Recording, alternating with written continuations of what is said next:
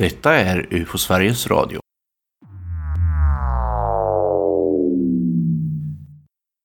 Jag stiger alltid upp klockan 03.45 till 03.50 utan artificiell väckning. Ifrågavarande morgon klockan 05.30 var jag på väg från bostadshuset till ett uthus, beläget cirka 15 meter väster om bostadshuset. Kommen ungefär mitt emellan huset kastade jag min vana trogen en blick upp mot himlen som var delvis molnfri, men den södra halvan var täckt med lätta slöjmoln. Jag såg Ursa Major, något väster om Zenit. Samtidigt varse blev jag i min vänstra ögonvrå, alltså i sydlig riktning, ett ljusfenomen som drog till sig blicken. Jag vände mig mot söder och såg tydligt genom slöjmolnen ett antal ljuspunkter formade som en rät linje i nord-sydlig riktning. Ljuspunkternas antal var minst fyra, men troligen sex. Iakttagelsen överraskade mig. Åtskilliga associationer korsade samtidigt mitt medvetande. Orions bälte? Nej. Orion är för närvarande inte synlig och bältet har en annan lutning. Endast tre stjärnor med avsevärt större inbördes avstånd. Flygplan? Uteslutet. Inga färgade eller blinkande ljus och fullständig tystnad. Plötsligt flammade ett av ljuspunkterna, från mig sett troligen det andra i raden, upp likt en tänd strålkastare. Detta sken var så intensivt att de båda ljuskällorna på ömse sidor om den uppflammande helt drunknade i ljusflödet som varade uppskattningsvis i två sekunder. Därefter återgick denna ljuskälla sakta tillbaka till samma magnitud som de övriga, men stannade ej där utan alla ljuspunkterna tonade sakta bort utan att lämna något synligt spår efter sig. Under iakttagelsen som varade i 10-12 sekunder rörde sig konstellationen mycket sakta i sydlig riktning. Hur lång tid fenomenet varit synligt före min varseblivning har jag ingen uppfattning om. Påpekas skall att under den tid som en av ljuspunkterna flammade upp åstadkom denna en korona med cirka två graders diameter i den underliggande slöjmolnen. Fenomenet befann sig i sydlig riktning på 45 a 50 graders höjd i stort sett rakt ovanför halvmånen, rakt nedanför Corona Borealis och ost-sydost om den väl synliga Arcturus vars magnitud i stort sett motsvarade ljuspunkternas magnitud men med den skillnaden att dessa ljus var markant mer distinkt. Platsen som fenomenet projicerades emot är ganska stjärnfattig. Konventionella luftfarkoster, satelliter, meteorer och dylikt uteslutes. Den här händelsen inträffade tidigt på morgonen den 19 februari 1998 i orten Färentuna.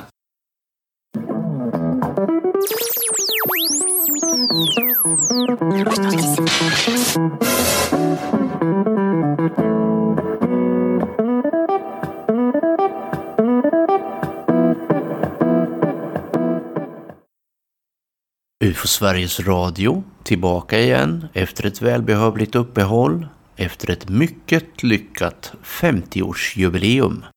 I UFO Sveriges Radio Tobias Lindgren, Johan Gustafsson, Claes Svan.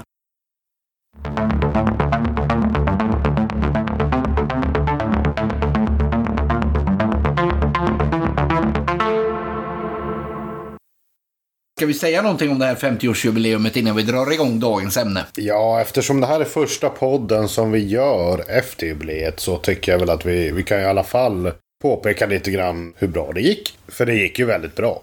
Vi har ju av förklarliga skäl bara haft 50-årsjubileum en gång då. Men vi har ju ganska många riksstämmor där vi gör på liknande sätt som vi gjorde den här gången att jämföra med. Med utställning och föredrag och bokförsäljning. Men den stora skillnaden här det var ju ändå att det vart väl trots allt över 500 besökare. Vilket är betydligt mer än vad vi brukar få på en vanlig riksstämma.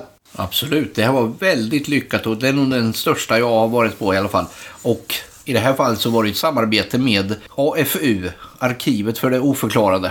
Och det gjorde ju då också att vi kunde utöka mängden utställningsföremål och Precis. Det var ju lite extra. Vi kryddade ju med mera material och det var två dagar istället för en dag. Och vi hade ett arbete ihop med filmkollektivet Crazy Pictures som gör en film om fenomenet och lite inspirerat av föreningen så nu. Så det var ju mer än ett dragplåster som gjorde det här till ett mycket lyckat jubileum. Vad säger du Claes, vad är din samlade bedömning av det här lyckade 50-årsjubileet? Det kunde väl knappast blivit bättre utifrån de här förutsättningarna efter två års väntan. Jag tycker det var väldigt lyckat. Vi la ner enormt mycket jobb på det. Och eh, så blev det en succé. 500 personer som betalar inträde som ni redan har diskuterat. Eh, det är ju någonting som är helt fantastiskt egentligen, tycker jag. Och eh, jättemycket positiva reaktioner efteråt också. Det är ju många som hört av sig. Fått nya medlemmar. Och eh, jag tror alla känner att det här eh, kan vi säkert göra om någon annanstans vid något annat tillfälle. Och det blir ju Västerås då nästa gång. Det var ju lite avslaget där efter att vi fick vänta i två år på grund av pandemin. Ja, det var ju lite dystert. Det kändes faktiskt inte bra alls. Och det är ju många andra som har drabbats av det på samma sätt. Många föreningar och, och andra organisationer som har fått ställa in sina firanden, sina resor, sina aktiviteter och vi har ju legat väldigt lågt egentligen vi också under de här åren. Med eh, en serie Zoom-föredrag som vi höll där i eh, det var väl 2021 där i början som vi hade dem. Nej, andra saker har ju naturligtvis utvecklats under tiden. Och det har ju varit väldigt positivt. Vi har lärt oss mycket. Vi har lärt oss en hel del teknik och eh, att eh, nå fram till folk som vi kanske tidigare inte hade nått fram till annars. Så ja, allt har varit eh, i slutändan väldigt bra. Och den som vill läsa mer om den här riksstämman och vårt 50-årsjubileum gör det i UFO-aktuellt som väl trillar ner i postlådorna i dagarna va? Ja, min trillade ner bara häromdagen så jag tror nog att de flesta borde ha fått den nu när de lyssnar på det här. Vad är då dagens ämne? Jag slutade ju den här lilla introt här med orten Färentuna. Skulle det kunna vara en, en ledtråd till dagens ämne kanske? Färentuna, ja. Vad sa vi här innan? Det låg i eh, Ekerö kommun vill jag minnas. Och var är vi då? Ja, då börjar folk tänka igen att vi, vi har halkat tillbaka in på våra såna här så kallade landskapspodd. Färentuna ligger i Uppland. Och vi har äntligen kommit fram till Uppland i vår serie om landskap. Jag tror inte vi gör någon större analys av den här. Vi kör det här i introt va? Utan vi kastar oss på nästa lilla... Ja, vi kan låta den eh, gå förbi som en eh, enkel anekdot bara. Då kan ju folk själva analysera vad det kan vara för något som den här mannen hade sett. Men vi ska ju dra några varierande rapporter från eh, Uppland eh, nu då. Så det kommer bli allt ifrån liknande dragningar som du gjorde nyss till lite djupare analyser. Högt och lågt som vi brukar göra när vi kommer till landskapen. Precis.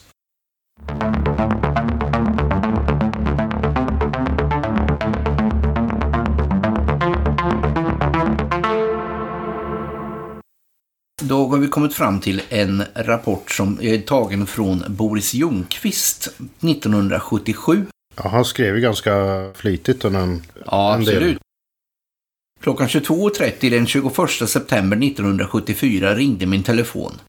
Den skakande rösten berättade att han och hans familj hade sett ett UFO landa en halvtimme tidigare. På grund av att observatören är officer i armén med hög rangställning föredrar denne och hans familj att vara anonyma. Jag citerar formuläret. Jag och min fru och mina två barn hade hälsat på hos en god vän i dennes fritidshus i närheten av Knutsby i Uppland, lördagen den 21 september 74. Vi var på väg hem och färdades i en Audi utefter en grusväg som utmynnar i Almungevägen. Då gick vi in i en långsträckt kurva såg vi ett bländande ljussken i färdriktningen. Jag bländade av reflexmässigt i tron om att det var en mötande bilist på kontrakurs. När vi kom ut ur kurvan på en raksträcka såg vi ett märkligt flygföremål som närmade sig avstånd cirka 900 meter.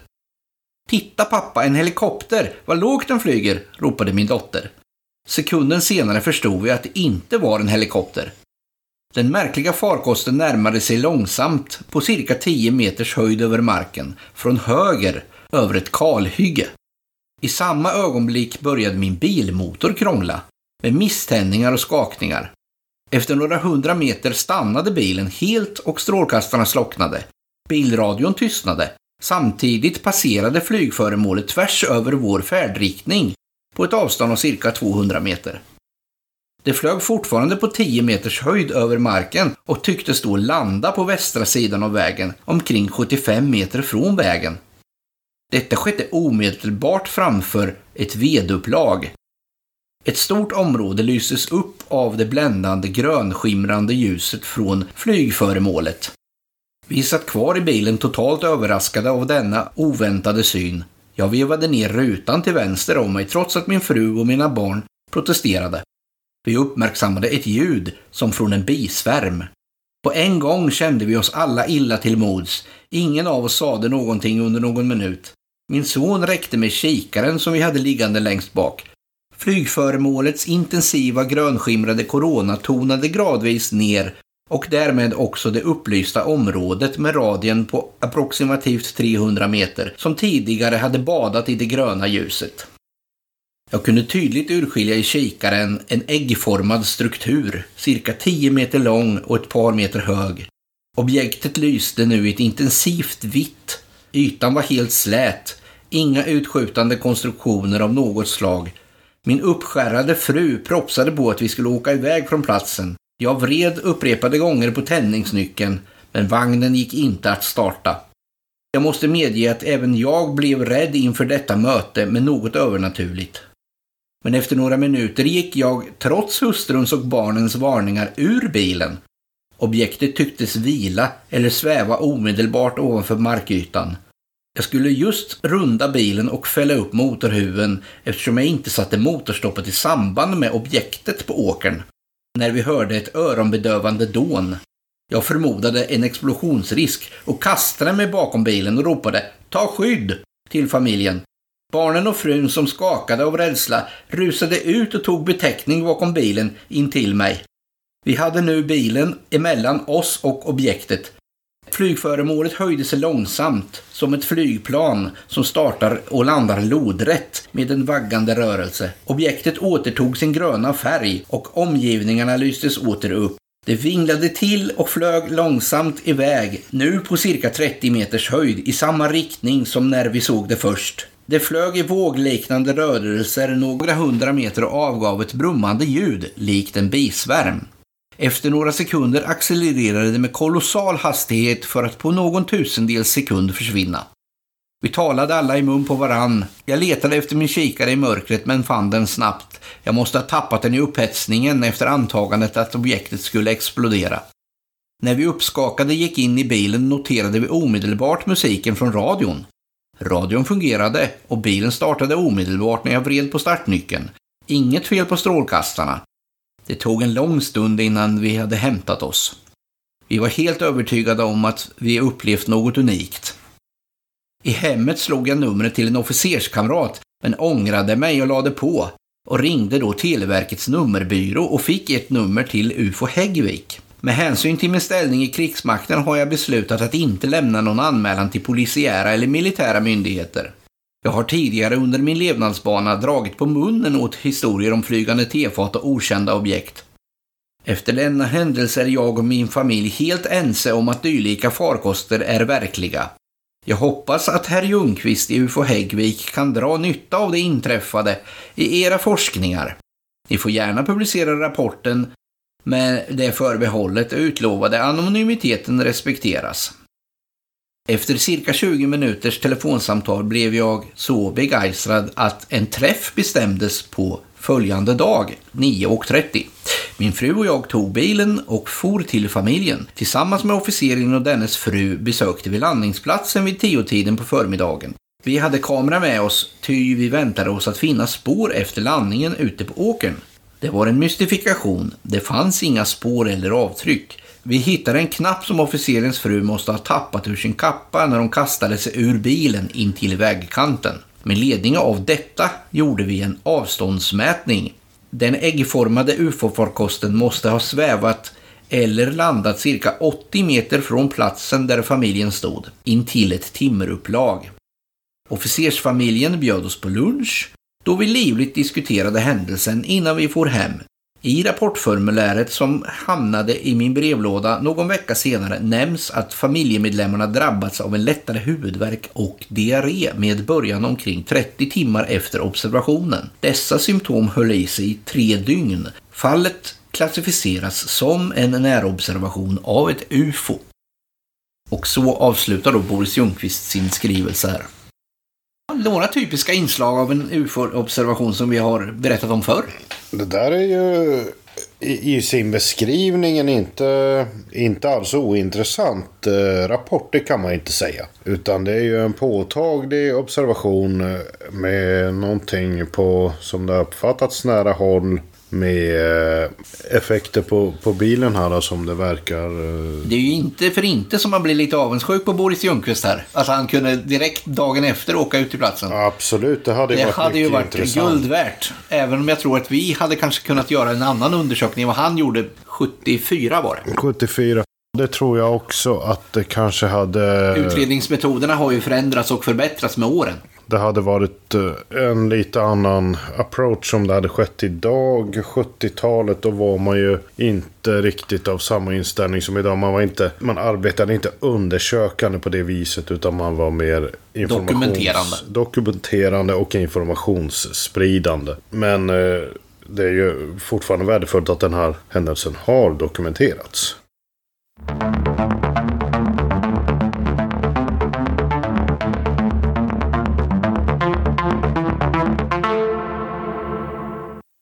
Då föreslår jag att vi går vidare med din rapport som du har plockat fram här. Jo, det här var ju en gammal rapport som eh, är tagen ur eh, den svenska litteraturen och även då naturligtvis det svenska rapportarkivet eftersom vi har inkorporerat det med mycket av litteraturen. Så nu tycker jag vi går över till någonting lite färskare då som vi själva också har arbetat med. Vi har en rapport här ifrån Vaxholm. Närmare bestämt eh, Bogesundslandet. Vet du vart det ligger? Ja, jag skulle säga Vaxholm. Det är ju en del utav Ja, He- nej. hela det där jag, jag området är inte bevandrad i de trakterna så det kan jag inte säga tyvärr. Nej, vi eh, nöjer oss med att det är i, om, i trakterna kring Vaxholm och att vi är i Uppland. Det här inträffade då för tre fyra år sedan. Det är i september 2018. Närmare bestämt den 13 september 2018. Då är klockan runt 23 på kvällen då när en mor och dotter de är på väg i bil de bor ju där ute då, så de är på väg hem. Ska ta eh, vägen igenom det här eh, Bogesundslandet. Det är en lite snirklande väg där som går dit. Man kan ju kalla det för landsbygd i, i, i mångt och mycket. Det är lite gårdar och sånt och skog och terräng och hagar. Men det är mörkt på kvällen här nu eftersom det är som sagt vid 23-tiden i september. När de har svängt in på den här vägen då in i Bogesundslandet så får de då först se ett objekt då som hänger över skogen. Det är som ett starkt ljussken. Eh, man kan se som ett punktformat ljus. Något större då än, än en stjärna. Lite mer kanske som en, en landningsstrålkastare ungefär på ett flygplan. Och den hänger då ovanför träden. Den får de alltså syn genom vindrutan när de kommer med bilen. Ja, de svänger in ja precis och så ser de den då. Strax över trädtopparna och skogen är vid sidan av vägen. Ganska Alltså. låg vinkel med andra ord. Ja, det är inte, inte jättehög. Det. Den är kanske, vad kan vi tänka oss, ett par 10-20 grader upp. Den hänger där då. De tappar den efter en liten stund när de har stått stilla där och tittat på den. Den rör sig bortåt va? så att de inte längre har den. eh, Trädtopparna kommer emellan då när den, när den kommer i rörelse här va. Det kan, de, det kan de uppfatta att den har en rörelse i, i förhållande till deras egen rörelse i bilen. Ja, de har stannat bilen vid. Jaha, Det, det ser de då, att, att föremålet försvinner där då. de stannar omedelbart så fort de får syn på det här. Ja, det tar inte så lång tid från De har möjlighet att stanna där, för det är ganska... Det är inte många som har möjligheten att direkt slå på bromsen och sen stanna. Nej, låt säga att det gick kanske ti- 10-20 meter någonting. Jo, jo, jo, men ändå. Då är det ju helt klart att om de själva står still så ser man den rörelsen. Men om man åker i bil samtidigt kan det vara svårt att avgöra Den, det. precis, den kan ju, vara, kan ju vara lite förrädisk va? när man ser saker och ting. Det är lätt att ens egen rörelse ger illusionen av rörelsen hos ett objekt på himlen. De tappar föremålet bakom trädtopparna där. Och då, då kör de vidare då. Fortsätter i samma riktning, eh, vägen som de skulle svänga in där. Så de fortsätter ut med Bogesundslandet där. En bit fram då kommer de ha som en, en hage eh, inhägnad på uh, vid sidan om vägen på höger sida. Och där finns det en busshållplats. Där får de uh, se objektet på nytt. Och det är kanske någon kilometer ifrån den här första platsen där de såg det här objektet. Och det, det är samma liknande grej som de ser lite snett till höger om vägen. Eh, det placerar objektet söder om deras position där, ungefär lite eh, sydost kan det bli. Så att det är på, på den södra sidan om vägen. Och har de nu fri sikt? Nu har de ganska fri sikt. De har en ganska låg horisont. De har en uh, trädlinje som ligger en bra bit fram. Och så har de då en hagen. Det är mer eller mindre öppet fält då, fram till den här trädlinjen. Men den ligger som sagt en bit bort. Så att uh, den täcker inte så himla mycket. Men har, har de någon annan referens här nu som man kan ja, tänka något avstånd eller så? Nej, de har inte det. Utan det, den här syns fortfarande ovan trädtopparna och det är mot himlen som bakgrund. Så vi vet fortfarande inte vart den här grejen är nu. Det går ju inte att avgöra. Vi, vi hör ju det hela tiden när man försöker göra avståndsuppskattningar. Det vet vi att det, det är faktiskt en omöjlighet när man inte har bakomliggande eller framförliggande referenser. Men det har man inte här. Det men det är fortfarande identiskt med den första, första där de såg det från början. Ja. Det ser likadant ut menar jag. Det är varken större eller mindre. Eller Nej, det, det är samma grej. Så vi är fortfarande inne på den här landningsstrålkastaren ungefär. Men den rör sig lite sen igen. De har stannat bilen på nytt och nu står de stilla vid en busshållplats där. Då rör sig objektet som de uppfattade ungefär ut med skogskanten först. Norrut ungefär. Sen upplever de hur objektet rör sig bortåt för ut med vägen. Och den här vägen löper ju ungefär österut. Så det skulle ge föremålet en, en färdriktning. Ungefär med linjens utsträckning.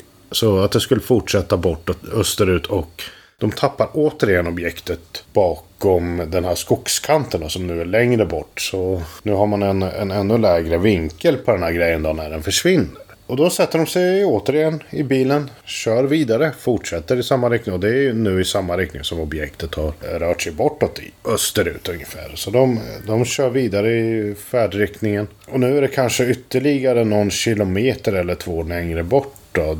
Kommer de fram till eh, det är som en liten sväng där på vägen. Och det ligger en, eh, en liten avtagsväg. Det är som en liten infart bara till några hus som, som ligger där vid sidan. Och där finns det en trädunge. Där ser de nu att föremålet hänger i luften. Och nu uppfattar de det här på desto närmare håll. Men de har inte upplevt någon rädsla eller något än så länge? Inte något uh, påtagligt så i alla fall. Utan det... De har inte tänkt tanken att, det, att de följer det här föremålet? Det, det kan inte jag svara på om de har... Om det de, de, ja, men deras ordinarie färdväg är åt det här hållet? Ja, de ska ju österut. De ska, det, ja, ja. Så, att det, ja. sen, sen så det råkar sammanfalla? Ja. Sen... Hade det varit jag som varit ute och åkt och se det här, då hade jag ju naturligtvis följt efter. Precis, och det, det är ju en lockande tanke att att agera så. Men eh, nej, de hade nog fått ta den här vägen ändå. Det är lite slumpen som spelar in här att de kör just ut med föremålet. Men nu hänger ju föremålet eh, intill den här lilla skogsdungen då som ligger i, precis i, i deras synfält då när de kommer fram. Och det är ytterligare en busshållplats här. Så de stannar bilen där igen då. Och eh, Ingen annan ser... trafik eller något sånt där som nej, stör? Nej, inga andra bilister, inga personer ute, ingenting. Men det, det, är ett starkt ljussken som hänger framför eh, den här, framför, eller över den här eh, skogsdungen. Det har varit lite svårt att få precis rätt sida på hur det förhållit sig på den Men nu punkten. är känslan att den är nära nu, dem? Nu är det nära, ja. Det, det upplever de att nu är den bara på några tiotal meter ifrån dem. Och då får de också kanske känsla för någon storleks Mm. Det händer ju en grej till sen. De stannar bilen på nytt. Står återigen vid en busshållplats. Dottern klev ju ut i det här läget då. Och då gör objektet så att det drar rakt emot bilen. Hänger sig stilla en kort stund precis ovanför bilen. Och eh, de två vittnena kan då se det här objektet underifrån. Och därefter så sticker objektet vidare igen. Och då försvinner det sen bortåt och de tappar det med avståndet. Så efter den här lilla utskjutningen mot bilen så sätter det eh, fart och drar iväg. Då försvinner för gott för, för observatören. Åt motsatt håll, ifrån det hållet de kom alltså. Nu drar föremålet åt vänster i synfältet. Så det, det ger ju objektet en lite mer nordlig färdriktning. Men det då. är bort från vägen. Bort från vägen, ja. Så nu, nu kan de inte följa den eh, på samma sätt längre. Utan det, den, den avviker från deras eh, färdsträcka här. Men när den kom mot bilen där, var det en mjuk rörelse eller var det ryckigt på något sätt? Ja, det var en ganska hastig rörelse. Som att den eh, drog snabbt ut och stannade över bilen. De var ju lite överraskade där va. Här såg de ju objektet underifrån. De uppfattar ju det här som runt och platt. Utrustat dels med flertal åtskilliga olika ljuskällor längs med den runda ytan. I, Nu är det inte längre ett, ett, ett ljusfenomen. Utan nu händer det någonting. Nu när de ser underifrån då ser de tydligt ett strukturerat formbeskrivet föremål. Runt och eh, platt under då. Så att det, de ser ju inte helheten, de ser ju bara underifrån. Men där urskiljs en rund och platt yta med ljuskällor i olika färger och eh, vad man väl får beskriva som någon slags bjälkar eller liknande.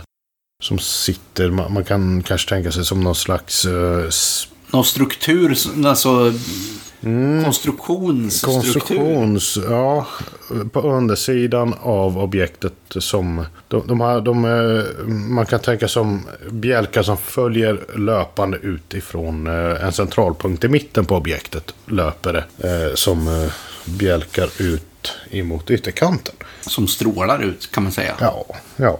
Som en spindelsben liksom nästan. Ja. Fast det, de, är, de sitter då längs med. Men nu är de, den, den är så nära då, det är därför de kan se det. Precis, det är för att den är rakt ovanför dem. Och på, på ett avstånd av, Ja, det vet de ju inte, men de uppfattar den ju som nära. Det, vi pratar kanske några tiotal. men om de har en känsla för dess storlek. Så, så kan, skulle man kunna dra någon, göra någon uppskattning mellan storleken och själva avståndet. För annars skulle den ju bli så väldigt mycket större om de var långt bort. Precis, om den eh, vore högt Jag tänkte om de har sagt, sagt något om eh, om det var som en bil eller som ett flygplan eller om de jämför med någonting. Här har de ju då uppskattat eh, diametern som ungefär densamma som hos en, en helikopter. Det finns olika helikoptrar och det finns eh, varierande storlekar och det är frågan om man pratar om längden eh, eller om man pratar om bredden. Men vi kan tänka oss några tiotal meter sannolikt. Som man har. De har uppfattat eh, diametern till här. Det är ju ändå en känsla för storlek som man kan förhålla sig till. Ja, och då, då kan man ju tänka sig att det här är inte så himla, himla långt bort. Även om det vi just sa är helt korrekt. Man kan inte avgöra storleken. Men att urskilja detaljer vid ytan och få ett så påtagligt eh, synintryck. Man står och- väljer mellan två alternativ. Nära och inte jättestort. Eller långt bort och väldigt stort. Och då är ju det, det förstnämnda långt mer sannolikt. Med tanke på detaljer och sånt naturligtvis. Ja, absolut. Ja, det är ju observationen i sin helhet och eventuellt så såg de objektet en gång till när de hade kommit ut på vägen sen för de fick se en ljuspunkt eller ett ljusfenomen där som rörde sig bortåt. Men den är mer osäker. Vi vet att det fanns vanliga flygplan i luften också. Det sista de eh, med, med säkerhet ser av den här grejen det är när den drar bortåt på ungefär på vänstersidan något norrut. Men då var det ingen höjdförändring. Den fortsätter i mark med sin ordinarie höjd. Ja, den sticker horisontellt bara. Och inte i någon sån här Ingen extrem hastighet som Nej. vi ofta läser om. Att det Nej, bara, inte först är det en som- liten rörelse, sen blir det en acceleration som är fantastisk. Inte som i det du läste här med, vad var det han sa, en tusendel sekund. Ja, exakt. Det är nog inte ens möjligt att uppfatta. Men det går, eh, det går i ganska normal takt. De kan se den glida bortåt och försvinna. Ja, det är observationen i sin helhet då. Jag har pratat med bägge de här personerna. Det är inga konstigheter med dem. Det är två trovärdiga personer. De har varit med om det de har beskrivit. Det var dottern som skickade in det här till oss. Och sen har vi varit i kontakt med bägge då. Jag tänker mig efter händelsen här, när de sticker hem. Vad händer? Vad gör de? I förhållande till när rapporten kommer till UFO Sverige. Tar det lång tid eller tar det kort Det tid? Eller? da, nej, dagen efter eh, får vi in eh, den här Så iakttagelsen. den är otroligt färsk när vi får den. Den är- Precis som vi önskade oss i det här fallet som Precis. Boris Ljungqvist berättade om att vi skulle gärna vilja det. Och i det här fallet går det bra. Precis. Hade vi kunnat göra någon nytta om vi hade åkt till platsen? Ja, alltså det, det är alltid...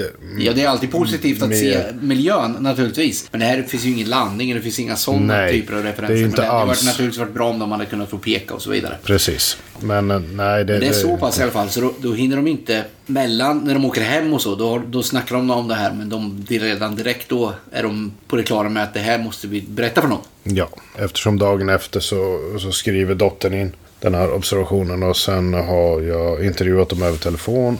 Vi har jobbat med den här observationen i etapp. Det blir ju ofta så att man, man sätter sig inte ner och jobbar med ett case i ett streck. Men när den är så färsk så tar man ju och lägger det andra åt sidan och tar den här nu.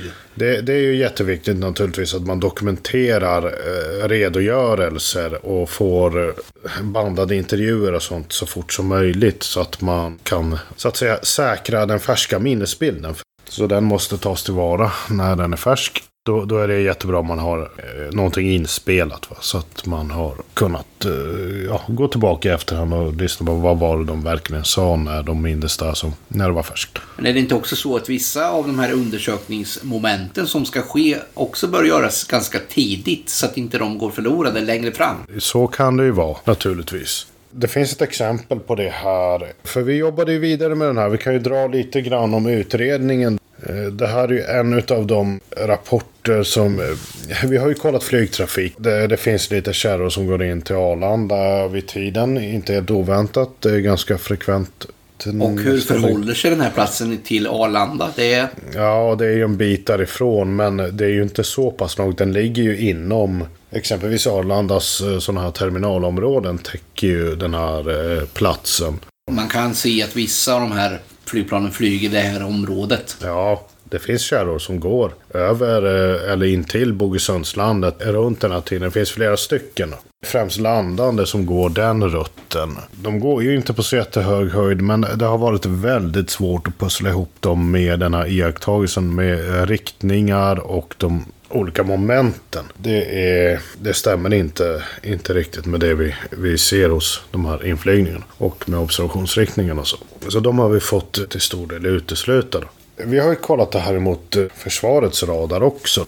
Där ser vi faktiskt någonting som inte är helt ointressant. Vi ser vad som kallas för ett primäreko som går över det här området. Det här har jag pratat om i podden tidigare. Det finns två sorters eh, radar. Den ena kallas sekundär, den andra primär. Sekundären är den som bygger på att det sitter en mottagare på flygplanet som skickar information till radarn om eh, tid och, och position och sånt. Då. Det är den här sekundärradarn som vi alla kan ta del av på Flight Radar och så vidare. Ja, Flight Radar 24 som eh, används väldigt brett av, av flygtrafikledning och så. Sen finns det ju även då primärradar som eh, till största del används av Försvarsmakten. Det är ju lite mer genuin radar. Det, det går ut en signal som slår emot alla konkreta föremål i dess väg, mottagare eller ej. Då registreras position, höjd och hastighet och så. Då.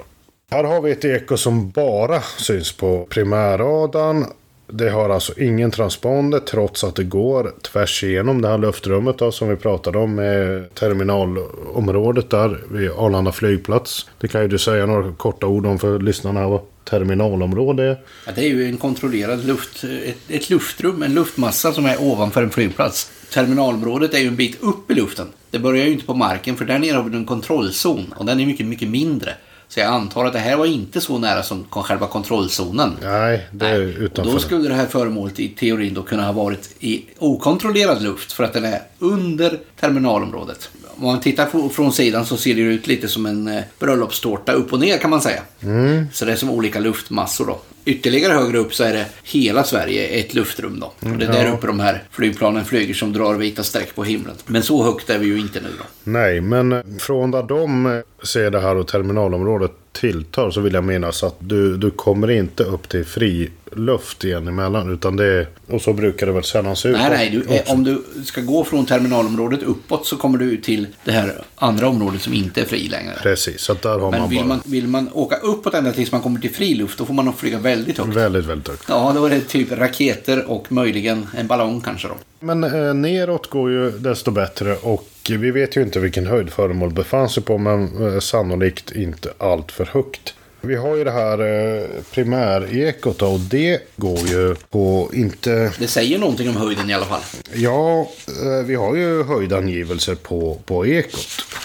Och jag kan ju eh, dra lite grann vad vi har om just överflygningen här med det här primärkortet som vi i nuläget inte, inte vet vad det, vad det är för någonting. Det korsar ju då alltså Bogesundslandet och börjar en bra bit norrut.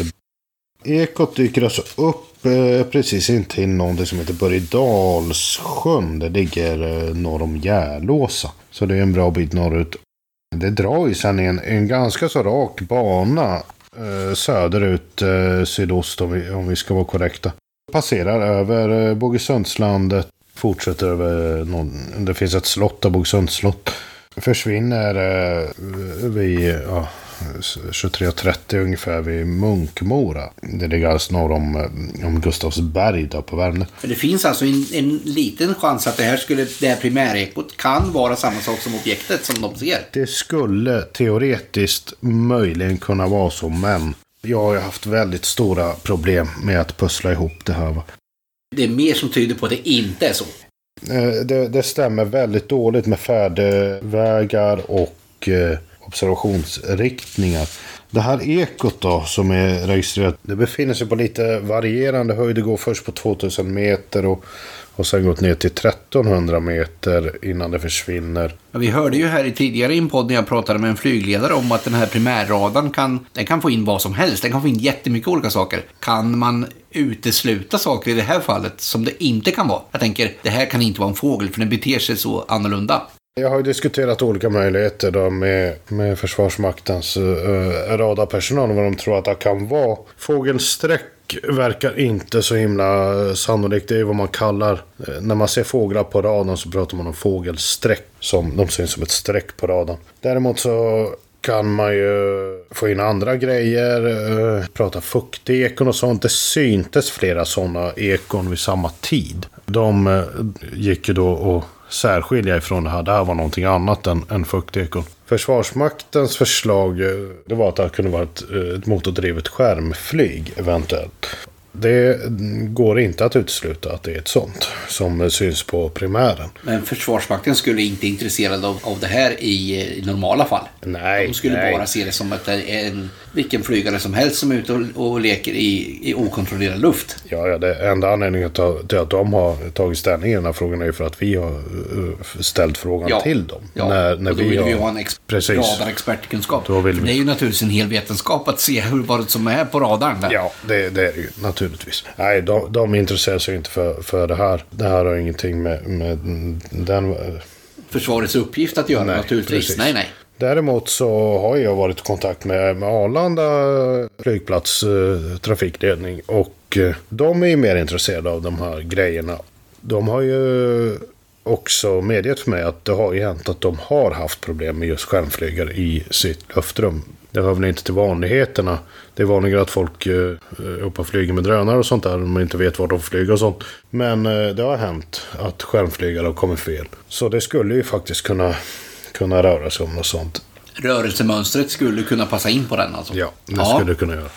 Sen är det lite problem. Vi, vi vet inte, vi kan inte eh, få in hela färdvägen här. Det är lite eh, aber som gör att, att vi inte kan se exakt hur det, här rör sig hela tiden. Så att, ja, om man vill så kan man leka med tanken att eh, just under perioden när det har varit svårt att, att följa det här va, från radarns sida, då, då kan det ha betett sig på de här sätten som, eh, som observatören har beskrivit när det har stannat upp över trädet och det har rört sig, eller när skogsdungen rört sig mot dem och så. Primärradarn har lite övrigt att önska. Den är inte heltäckande som man skulle kunna tro alltså. Man kan inte se vad som helst. Det är inte som en, som en kikare utan... Nej, exakt. Utan det, det är klart att det, det, den har ju också sina, sina begränsningar. Men om det här nu skulle visa sig vara en skärmflygare, då är det ju helt väsensskilt mot det de har sett. Det är ju det. Då har det inget med varandra att göra. Det är ju högst sannolikt två olika saker. För att de skulle ha sett en skärmflygare i det här fallet. Det, det framstår ju som mycket osannolikt. Men om det hade varit en skärmflygare, hade de kunnat sett den? Var de på samma ställe? Om det här ekot orsakas av en skärmflygare. Ekot passerar ju någorlunda över det här området. Då. Det går ju över Bogesundslandet.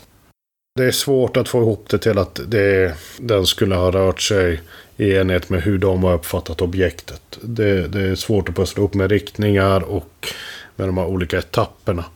Visst, de skulle ha haft möjlighet att se den här skärmflygaren i sådana fall.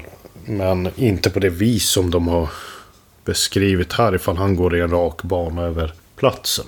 Sen kan ju skärmflygarna vara utrustade med ljuskällor, både blinkande och, och, och, fasta ljus. Men det finns annat som talar emot den förklaringen. Mörker är ju ingenting som skärmflygare brukar flyga under. Och det var ju eh, väldigt mörkt redan när det här ekot startade. Va? Och det är ännu mörkare när det kommit ner över Bogesundslandet Och det är en ganska anmärkningsvärd sträcka att avverka i mörker vid den tiden på dygnet. För ett skärmflyg, det, det här är ju en hobbyverksamhet. Så jag, jag har svårt att förstå Nej, det får väl vara en riktig daredevil som ger sig ut i mörkret. Ja. Det, blir ju, det blir ju betydligt farligare att hålla på med den aktiviteten när det är mörkt. Och dessutom så kommer ju... Det går ju inflygningar till Arlanda vid den här tiden. Han syns ju inte så jävla bra, även om man har några sådana här lampor på sig. Så det är inte att jämföra med en andningsstrålkastare. Nej, det är vågat i så fall. Men eh, den här eh, eventuella skärmflygaren jag, jag har ju kollat en del sådana här eh, loggböcker som finns för skärmflygare. Då. Det är de som går att kontrollera men det, det är inga flygningar som är registrerade där. Då. Sen eh, har jag ju varit i kontakt med Arlanda om, om det här och de eh, säger ju det att de skulle inte ha gett några tillstånd att flyga igenom det här området utan transponder. Så att eh, det, det, är ju en illegal flygning som vi pratar om i sådana fall. Min erfarenhet efter kontakter med Stjärnflygare är att de det är en ganska hederlig yrkesgrupp. De, de brukar försöka hålla sig till regelverk även om det bevisligen finns då exempel av motsatsen. Men det kan ju röra sig om misstag. Va? Så det här... Jag menar, vi pratar om en, ett objekt som korsar en mycket väsentlig del av hela Arlandas luftrum. Jag har svårt att se att det där skulle vara ett misstag. Nej, och så vill man väl inte äventyra sin hobby om man har det som rekreation och så. Man vill Nej, inte... precis. Och man vill inte bli av med flyglicenser och de Nej. där maskinerna kostar ju en halv förmögenhet. Så att eh, det är ju ingenting som man vill få flygförbud med och sådär. Nej, så och vem det... som helst är ju inte uppe och flyger. Man måste ju ha kunskaper och utbildning och så vidare. Precis. Jag, jag tror att man måste ha ett flygcertifikat. Men de här vittnena nu då, har de fått frågan om skärmflygare? De är helt klara, på det klara med vad en skärmflygare är och hur en ja, sån ser nej, ut. De, de, är, de är övertygade alltså det, det, kan, det Hade de sett en skärmflygare hade de förstått vad det var. Ja, det, ja. de tror jag absolut inte att det var en skärmflygare. Nej, nej, det tror inte jag heller. Nej. Ja, nej, jag tror inte jag har ställt uh, frågan rakt upp och ner till dem så om skärmflygare. Men kanske något annat? Ja, vi har ju diskuterat olika ja, lite vitt och brett. Nej, men det är klart att man funderar. Men vad händer sen då i, i utredningen? Det här har vi fått lägga till handlingarna då. Efter att ha uttömt de eh, resurser som vi har möjlighet till och gjort de kontroller som... Så nu står vi och stampar på ett ställe. Vi har kommit en viss bit men vi har inte kommit i mål. Nej, vi har inte kommit i mål. Så än så länge så är det betraktat som det är en av eh, få rapporter på senare år som har gett sig nu för beteckning eftersom eh, den eh, ändå uppfyllde de här kriterierna som vi har pratat om tidigare flera gånger till och med i podden. Ja. Vi har att göra med två vittnen. Det är formbeskrivet, tydligt urskiljbart objekt som är oidentifierat. Det har inte kunnat härledas till en trolig förklaring av något slag i nuläget. Men hade de inte gjort den här sista stoppet på den sista busshållplatsen och inte sett om strukturen där, då hade det inte kommit till den... Nej. Då hade det inte orkat upp till den nivån. Det hade det inte, för då hade det fortfarande bara varit ett ljusfenomen på himlen. Nu såg de ju mer och det har ju betydelse för att det, det ger ju ett utökat informationsflöde i rapporten. De såg mer än bara ett ljus. Det finns mer att få ihop där. Och då, det är klart att det, desto mer man ser, desto större värde får ju. Vilka fortsatta utredningsvägar finns det att gräva i? Ja, jag ser inte så mycket mer uppslag i, i den här rapporten. Vi har gjort ganska mycket. Kontrollerat emot eh, de eh, luftrumskontroller som går att göra. Det om man skulle... Du tror inte att det finns någon informationsbit någonstans som vi inte har lyckats få fram som verkligen, eller som finns? Det är klart att det kan finnas. Man, man, skulle kunna jaga enskilda skärmflygare men uh, de ja, Jag tänker kanske på något helt vitt skilda grejer. Att man tar reda på vem som bor i det här området. Ja, fast det har gjorts också. Det fanns ju två hus intill den här platsen där det här uh, objektet stannade upp. Och jag tog ju kontakt med jag, jag pratade med en av dem och han kände ju även de som bodde i grannhuset där. Han hade ju inte sett någonting den här dagen. Eller överhuvudtaget där runt den här tiden. Och hade ju inte hört talas om att grannarna heller skulle... De kom jag aldrig i kontakt med. Men eh, det här är ju ute på landet. De bor precis intill varandra. Det, det är nog ganska sannolikt att de hade pratat med varandra. Om det hade varit någonting över området där de bor. Så det vågar jag tro att vi kan säga att det, de har sannolikt inte sett någonting, några utav dem. Sen ja, det finns väl boende på lite större avstånd därifrån. Men det var ju de här som förhoppningarna gick och satsade en slant på. Eftersom de bor bara några hundra meter från det här objektet var till synes nere på låg höjd. Då. Jag har avslutat det här fallet eh, men det finns ingenting som hindrar det från att återupptas om det framkommer nya uppslag framöver. Det gör det säkert kanske. Det är någon där ute som sitter och lyssnar på våran podd här och, och funderar på varför vi inte har ställt den eller den frågan. Mm. Och så vidare. Det är ju intressant alltså. Jag tänker mig om miljön runt omkring. Lägesbundna saker och ting. Som kunde ha interagerat med den här tingesten. Mm. Mm. Om den flög på ett visst sätt. Ja, det, det, det går alltid att bolla, bolla i all oändlighet. Ska vi Men än så länge ligger den till handlingarna som ett UFO.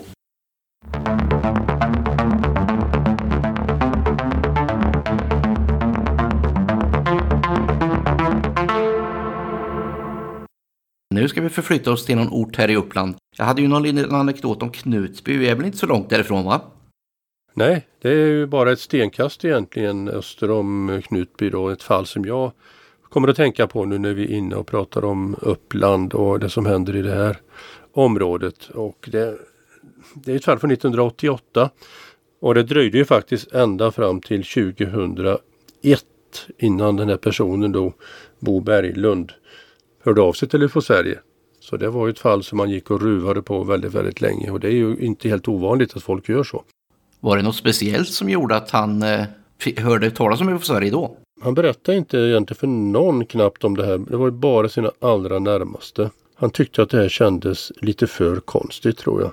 Och så upptäckte han väl då helt enkelt genom internet att det fanns en förening och skrev ett mejl till UFO Sverige ett långt mejl, väldigt detaljerat. De damp ner i våran eh, inbox då den 31 januari 2001. I början av mars åkte jag hem till honom. Han bor inte så långt ifrån där jag själv bor egentligen. Så att då knackade jag på och så satt vi där och pratade väldigt länge. Det hände inte så mycket egentligen mer. Det skrev inte någonting om det just då utan bara något kort tror jag. Men eh, 2014 sen så gjorde jag och Dagens Nyheters eh, fotograf Johanna Wåhlstedt en eh, stor intervju med honom på plats då uppe i Sottern som sjön heter. Och Sottern eh, vid det tillfället var ingen trevlig plats att vara på. Det ösregnade. Det regnade så mycket så att vi kunde inte ens höra vad han sa sen när vi lyssnade på bandet när vi kom hem. Så vi åkte upp igen sen några veckor senare och gjorde en ny intervju med honom.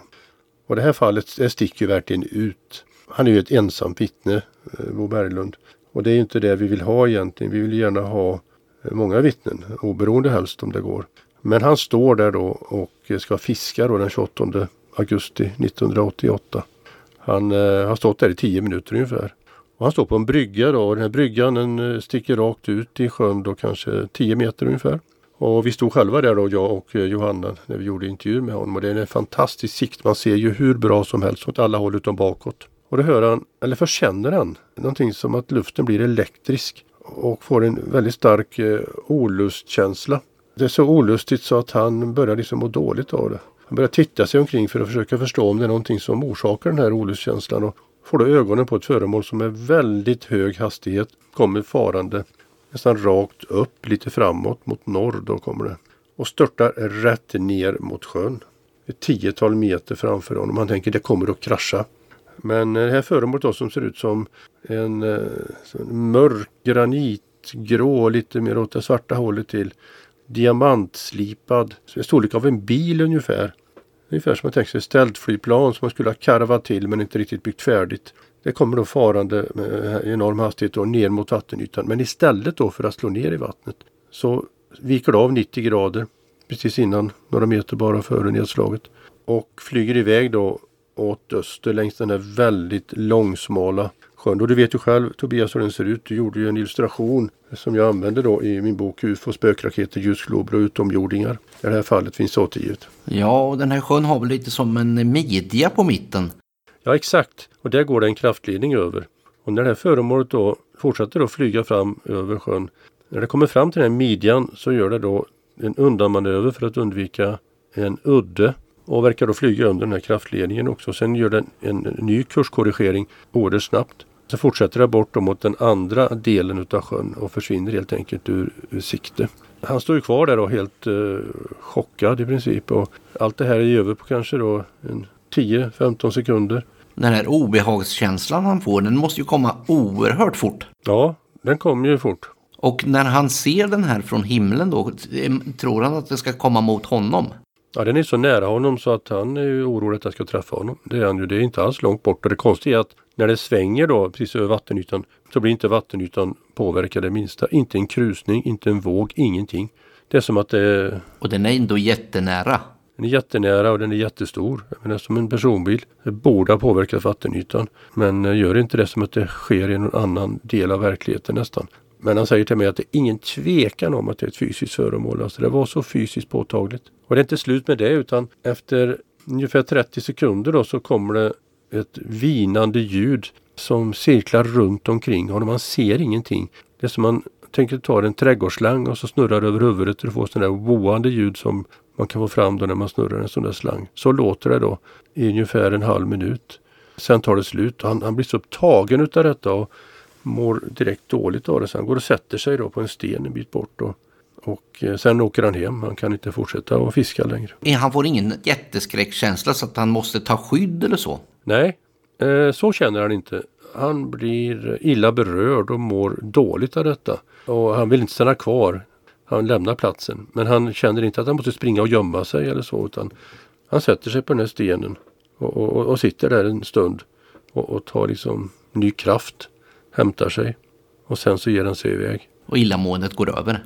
Ja, sen känns det mycket bättre då när han kommer därifrån igen. Och det ljudet har då slutat då så att det hör han ju inte längre. Efter spelet då, han, han åker hem och gör ingenting, han säger inte till någon? Nej, först så håller han verkligen tyst om det här. Länge och väl, sen berättar han det för några av sina närmaste då men som sagt det är ju först då 13 år senare då som han hör av sig till UFO Sverige. Och eh, jag ser fortfarande det här fallet som ett fantastiskt intressant fall. Och Bo Berglund är ju en eh, person med stark integritet och som jag känner starkt förtroende för. Eh, jag är säker på att han har upplevt det han beskriver. Eh, sen är frågan liksom då vad det här var för föremål givetvis. Och vi hoppas ju att det ska kunna finnas vittnen i andra änden av sjön dit föremålet flög. För där finns det ju en bebyggelse. Och vi har fått en del tips som vi har kontrollerat faktiskt bara nu då under de senaste veckorna. Men de har inte lett någon vart tyvärr. Hastigheten på det här föremålet och jag tänker den här sträckan över sjön. Ja, det gick ju väldigt fort alltså. Man kan inte riktigt bedöma det men väldigt snabbt gick det. De som om eventuellt har varit ute på sina tomter där jämte sjön där har skulle ha sett det, då måste man ha haft blicken åt rätt håll. Ja, så är det ju. Det kan ju varit så att om man stod med ryggen emot sjön då kan ju föremålet bara ha flugit förbi sen. Sjön är ungefär, eh, alltså sjön är lite längre men han såg föremålet under 1,5 kilometer ungefär. Så det var väldigt bra sikt. Ja det är ju väldigt bra. Ja. Så det var inte bara att det svorsade förbi honom utan han kunde i alla fall följa det med blicken. Men det enda ljud som hördes var det här som kom efteråt sen? Ja, det var det. Det var inget ljud när det kom. föremålet. Och det, det finns inget egentligt samband mellan de händelserna. Nej, Mer än att de är väldigt märkliga båda två. de ligger väldigt nära i tid. De ligger ju liksom inom en halv minut i tid. Och, Ja, så att han kopplar ihop dem. Och man vet ju inte om de hör samman men det finns ju en, en möjlighet att de faktiskt gör det. men han har åkt tillbaka till den där sjön och fortsatt att fiska sen Ja, efter det. det har han. Han har återvänt till sjön sen senare och eh, utan att känna någon obehag. Utan, och det var okej när vi var där med honom och, och filmade då vid de två tillfällena så var det inga problem heller. Utan han ställde upp där och kände inga konstigheter. Och han tycker fortfarande att det är konstigt. Han har inga kanske några funderingar på vad det kan ha varit för någonting. Nej, han säger ju då att eh, det här ljudet då har han ju sen då kunnat eh, likna då vid något som liknar ett passagerarplan som landar på en flygplats då. Va? Det som man kan höra från vingspetsarna eh, när, när flygplanen landar. Han har svårt att ge en exakt liknelse. Och det är lite lustigt alltså. Jag har ju undersökt flera sådana här fall kring sjöar då där folk har sett föremål som har flugit förbi och ibland störtat eller ibland inte. Och det finns ju alltid nästan kopplat ljud då till de här föremålen som låter intermittent, alltså ett återkommande ljud som är som ett swoshande eller ett roterande ljud. Va? Men som sagt, vi har inte kommit någon vart i det här fallet. Det finns ingen slutsats eller något liknande än så länge.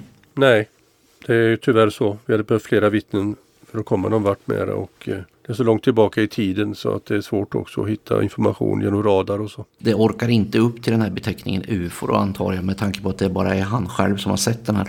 Nej, det gör ju inte det och enligt UFO Sveriges ganska hårda kriterier som är bra så eh, är ju det här ett eh, fall som är precis under UFO-kategorin. Det är visserligen ett okänt föremål men eh, och vi säger ju att det här är ett säreget fall. Men vi sätter inte beteckningen UFO på det. Det gör vi inte. Men vi ska förflytta oss lite närmare österut nu va? Till eh, Väddö kanske, eller det känns som Väddöfallet. Och det var väl eh, ett dragplåster ska jag säga när vi startade vår våran tidskrift UFO-aktuellt. I allra första numret så ligger det en tändsticksask och en metallbit på framsidan. Ja, till och med två metallbitar. Eh, de delar den ju mitt i tu. Eller till tre bitar egentligen. Den tredje biten och som vi ska berätta om här snart, den försvann ju och är fortfarande borta. Men eh, då hade UFO Aktuellt rubriken Metallbitarna som förbryllar forskare och vetenskapsmän världen runt. Var rubriken. Ja, hur utrett var det när vi skrev den tidningen då 1980? Har vi kommit längre idag? Ja, man kan säga så här att den rubriken skulle vi inte ha satt eh, idag och vi skulle inte satt den då heller. man ska vara riktigt noga. Metallbiten var inte så förbryllande ens då. Det som var konstigt var själva händelsen och att metallbiten hittades i samband med händelsen. Den kopplingen, men själva metallbiten är och var då eh, helt klarlagd vad den bestod utav och att det inte var någonting från rymden eller någonting konstigt. Det var den redan då som sagt. Ja, Men händelsen inträffade långt, långt tidigare än så. Ja, den inträffade 14 oktober 1956. Men det där årtalet har ju varierat eh, ganska mycket om man läser olika eh, tidningar. Eh, nu öppnar jag här Urfaktuellt då, som jag har framför mig och då står det söndagen den 9 november 1958. Står det där, vilket är helt fel. Och eh, där, där anges då ett antal olika datum och årtal eh, när det här skulle ha hänt. Men eh, jag ska återkomma till det med årtalen. Påminn mig om jag glömmer det. Vi kan berätta om fallet först kanske, vad som hände. Alltså det var ju sent på kvällen då, den 14 oktober 56, Eh, som två snickare då, Stig Ekberg och Harry Sjöberg ifrån Stockholm eh, var på väg då upp eh, längs Väddö för att de skulle jobba på måndag morgon tidigt med snickerier. Så det var en söndag kväll det här då. De ville vara tidigt på plats då på måndag. Och de kommer körande där. Jag har själv kört den här vägen och gjort tv också med, med Dagens Nyheter kring det här fallet. Så man kommer körande där genom ett skogsparti. Och sen kommer man in i en liten öppnare del. I, och det ser man då kan man säga ut över nejden. Men nu var det mörkt så de såg inte särskilt mycket när de kom i sin bil. Plötsligt ser de någonting ifrån eh, höger som kommer och flyger in. Ett föremål. Och eh, en av dem ropar liksom då att titta det är en stjärna som har tappat greppet eller något sånt. Då. Och så kommer det flygande eh, framför bilen fast ganska långt bort. Och svänger tillbaka då mot vägen som Stig och Harry färdas på. Och då börjar bilens motor hacka och, och radion låter konstigt och de blir stående. Bilen stannar. Och när de blir stannade, stannade där då så ser de föremål plötsligt då hänga framför sig på vägen. Inte så många meter bort och det är som en tillplattad boll och eh, täcker ungefär hela vägen. Och ena killen då säger då, det är Harry då som säger det, att han ser det som en färg under som en eld som verkar brinna. Medan Stig inte alls eh, ser detta. Så det är ganska typiskt, det är två vittnen, de har alltid två historier. Med tanke på hur nära de sitter också så borde de väl se samma sak tycker man. Det tycker man då. Eh, men det är klart de intervjuades ju då eh, senare. Och då 1956 så var det ju ingen som, som pratade med dem. Utan det tog några år innan det blev några riktiga undersökningar. Eller något år i alla fall. Så. Men hur blev det känt och hur berättade de det för någon? Ja, de gjorde det. De, de berättade och så spred det sig och så till slut fick en ufo-intresserad eh, person kännedom om detta och fick då veta då också att de hade hittat ett föremål.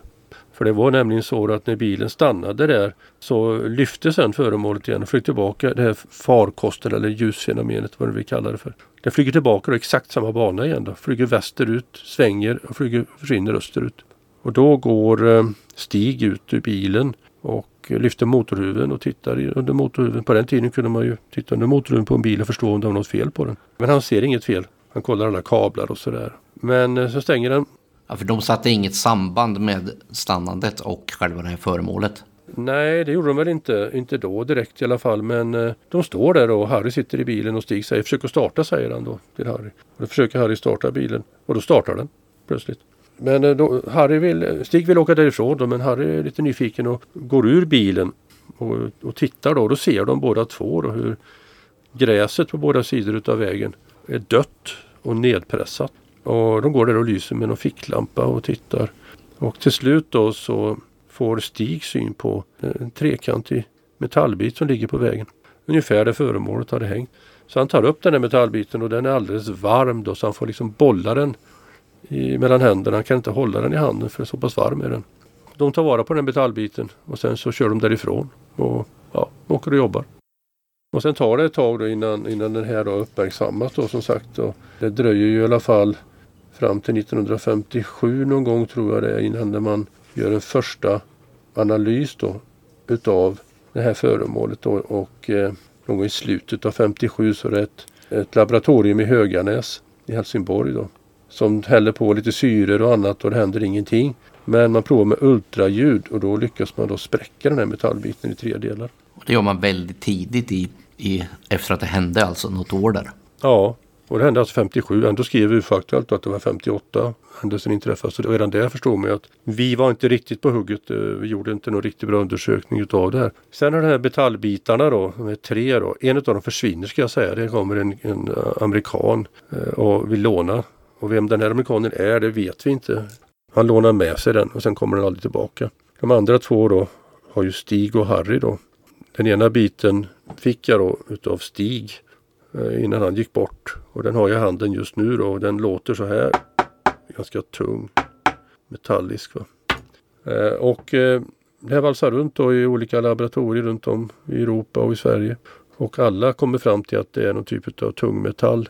Och att det inte är något speciellt konstigt med den egentligen förutom att den är väldigt hård. Då. Men det gick ju att spräcka den då. De här tre bitarna, var de lika stora ungefär? Ja, de blev ungefär lika stora faktiskt. Det blev de. Men eh, efter många herrans år då så tittade jag på det här fallet igen då. Och det som intresserade mig var ju då två saker egentligen. Dels att den här metallbiten var varm när man hittade den. Det här var ju då i oktober. Och eh, om det ligger en metallbit på en väg i oktober då är den inte varm, inte på natten i alla fall eller sent på kvällen. Och speciellt inte den här typen av metall då som leder värme väldigt snabbt. Utan är den varm så har den värmt upp, värmts upp alldeles nyligen. Det var ju föremålet uppenbarligen då som värmde upp det här, den här metallbiten. Annars hade den inte varit varm. För det är en sån metall som värmer upp fort och den tappar värmen ganska fort också med andra ord. Ja, det gör det. Och eh, ufologen Boris Ljungqvist eh, marknadsförde ju den här händelsen väldigt eh, mycket i sina böcker och så. Och han fick ju låna Harrys eh, del av metallen. Och han hävdade att det var en del av det här, den här farkosten då. Det här ut, utomjordiska rymdskeppet som han ansåg att det var. Och det kan man ju säga då, om det hade varit en del av det här, den här farkosten då hade den brunnit upp omedelbart. För att eh, eftersom den leder värme så, som den gör va, så använder man absolut inte den här typen av metall utan på en farkost som ska färdas snabbt i atmosfären. För då skulle det bli så varmt och då skulle den förstöras farkosten. Så det förstod jag aldrig riktigt eh, varför han hävdade. Det är i alla fall en omöjlighet att det kan ha tillhört själva farkosten. Men det kanske inte var så viktigt för Boris Ljungqvist. Nej, det var nog inte så viktigt. Det var nog viktigare att eh, lyfta fram en väldigt spännande historia. Och det får man ändå säga att det gjorde ju för Sverige också utan att det egentligen var så noga på många sätt. Även om man intervjuade snickarna och så vidare så tog man inte reda på riktigt. Jag lät analysera den här metallbiten då på Sandvik Rock Tools och eh, då kunde man se att eh, den hade föroreningar i sig som var exakt överensstämmande då med de föroreningar som vanlig volframkarbid, alltså tungsten, fick under 1956 när man framställde det på Sandvik. Så det var en typisk jordisk metall. Alltså hade det varit utomjordiskt kan man ju ändå tänka sig att de här, de här utomjordingarna hade varit lite vassare än vi var 1956 och kanske kunnat tillverka volframkarbid utan föroreningar i. Men eh, det här med datumet är ju eh, historia för sig också. Eh, att vi skrev 1958 då, det var ju för att snickarna hade inte riktigt koll på själva vilket år det här var. Men de hade en bil som var väldigt speciell med en, en ruta då som var vikt lite så man kunde se lite. Alltså vindrutan slutade lite längre bak i bilen. Alltså någon decimeter så man kunde se åt sidan lite genom vindrutan också. Och eh, de tog månen eh, igenom den här vindrutan på en särskild plats då. Och när jag pusslade ihop det och tittade hur de här bilarna såg ut och vad man kunde se månen vid olika tillfällen under de här åren så fanns det bara ett tillfälle som stämde överens med med den här observationen. Och det var ju den 14 oktober 56. Plus en del andra pusselbitar som jag kunde lägga i det här, i det här pusslet. Eh, då med olika analyser som hade gjorts då senare och så. Så det här datumet är helt, helt säkert idag att det var så. Men hur kommer det sig då att alla som har pratat med dem innan inte kunnat göra den analysen? Tyckte att det var viktigt eller har man? Man litade på att det här var bra och så var det bra med det. Men vi har ju aldrig tänkt så riktigt inom UFO Sverige utan vi vill ju bekräfta saker eh, så långt det någonsin går va? och kollar ju på alla, alla bitar. Vi lyfter på varje sten och det gjorde vi verkligen i det här fallet också. Så att eh, man var lite slö, lite, lite lat kanske. För att, att inte gå till botten med det. Eh, jag har ju pratat med både Stig Ekberg och Harry Sjöberg flera gånger och eh, båda två är borta idag. Och eh, det är väldigt bra personer. Det är ingen tvekan om att de var med om det här. Mm, och eh, men vad det var de såg, vad det här föremålet var för någonting, det vet vi ju inte. Det är ju okänt fortfarande. Men det man kan säga att det var att det var varmt i alla fall eftersom det smittade av sig på den här metallbiten som låg på vägen. Ja, det är lite lustigt i och för sig också att föremålet var så varmt. Farkosten då, vad det nu var. Men eh, det måste den ha varit så det kanske stämmer då som, eh, som Harry säger. Att det var som en regnbåge. Även om man inte vet vad själva föremålet eller den här ljusgrejen var för någonting så kanske man vet vad den här metallbiten har varit för något. Ja. Om man kommer fram till det. Ja, det vore så enkelt. Uh, ja, jag tänkte om det, om, man, om det är något känt. Det, det vi... Jordiskt. Något verktyg eller någonting. Jag tänker, men det är ju inte den typen av metall. Ja, det enda vi vet säkert är ju att de här volframkarbidbitarna de används ju då i borrkronor till exempel. Man ska borra djupt i marken eller i berg. De kan också sitta fast som eh, tänder på eh, grävmaskiner eller eh, väghyvlar, vilket ju är en tanke här. Va? Då låter det som att det skulle kunna ha trillat av från en väghyvel exempelvis. Eller att det kanske är någon gammal borrkrona som har legat på ett lastbilsflak som har ramlat bort. Vi, vi, vet inte riktigt säkert här va, tyvärr. Alltså man kan inte göra den analysen, det är svår att göra med den sista biten som finns. Ja, jag spårade ju då ett företag då i Kolsva som tillverkade sådana här delar då den personen där som skulle hjälpa mig han gick bort lite hastigt. Och sen så rann det till sanden, det var ingen annan som hade tid. Så det kanske går att komma lite längre. Jag tänker om det fortfarande finns former och sånt som gör att man skulle kunna se det. Ja, en annan del eh, som man använde sånt här till det var att man hängde dem under en typ av eh, ballonger som en tyngd faktiskt. Det skulle kunna vara något sånt som har fallit ner också. Eh, men det går säkert att komma längre om man fortsätter, det, det tror jag. Och det är där man ska forska på metallbitens. Ja, den, den proveniensen helt enkelt. Var, var, var hör den hemma egentligen? Den andra biten som försvann sen, eller den andra föremålet som försvann sen, den är svårare att göra någonting åt. Ja, den som flög iväg är ju, det är ju verkligen borta. Så det är ju svårt att göra någonting åt. Och sen är det ju väldigt länge sedan. Ja. Så att det är ju svårt att göra något på det här viset. Alla är ju i tiden nu så att det är ju bara andrahandskällor kvar egentligen. Men det är ett väldigt känt fall. Ja, det är det ju. Det är ett av de mest kända fallen egentligen i Sverige faktiskt. Men det når, når det upp till några kriterier om vi skulle ställa dem idag? Det tycker jag nog. Jag har ändå två vittnen här och eh, ett föremål då som man kan koppla ihop med det här okända objektet. Jag tror nog att om det hade gjorts ordentlig undersökning från början hade det fått beteckningen UFO. Och jag skulle inte tveka att sätta beteckningen UFO på det. Påverkade bilen också som det verkar. Så att, eh, nog tycker jag att det håller för att eh, säga att det är ett UFO-fall. Ja, och vegetationen där vid sidan om vägen. Ja, precis. Men det var inte speciellt långt utanför vägen. Det var inte Nej, superstort. nej, det var det inte. Det. De uppfattade det som att det täckte vägbanan gott och väl. Inte mer än så. Spännande. Det är det. Får jag tacka dig Claes Svahn för medverkan i UFO Sveriges Radio för den här gången. Tack så mycket. Jag tackar även Johan Gustafsson. Själv heter jag Tobias Lindgren. Och då har vi kommit fram till slutet av avsnitt nummer 77. UFO Sveriges Radio görs av Riksorganisationen UFO Sverige. E-post skickar ni till info.ufo.se. Vår rapportcentral har telefonnummer 018 555 000. Vill ni stödja UFO Sverige går det bra att prenumerera på våra tidskrifter eller varför inte bli medlem. Jag avslutar med att hoppas på ett snart återhörande.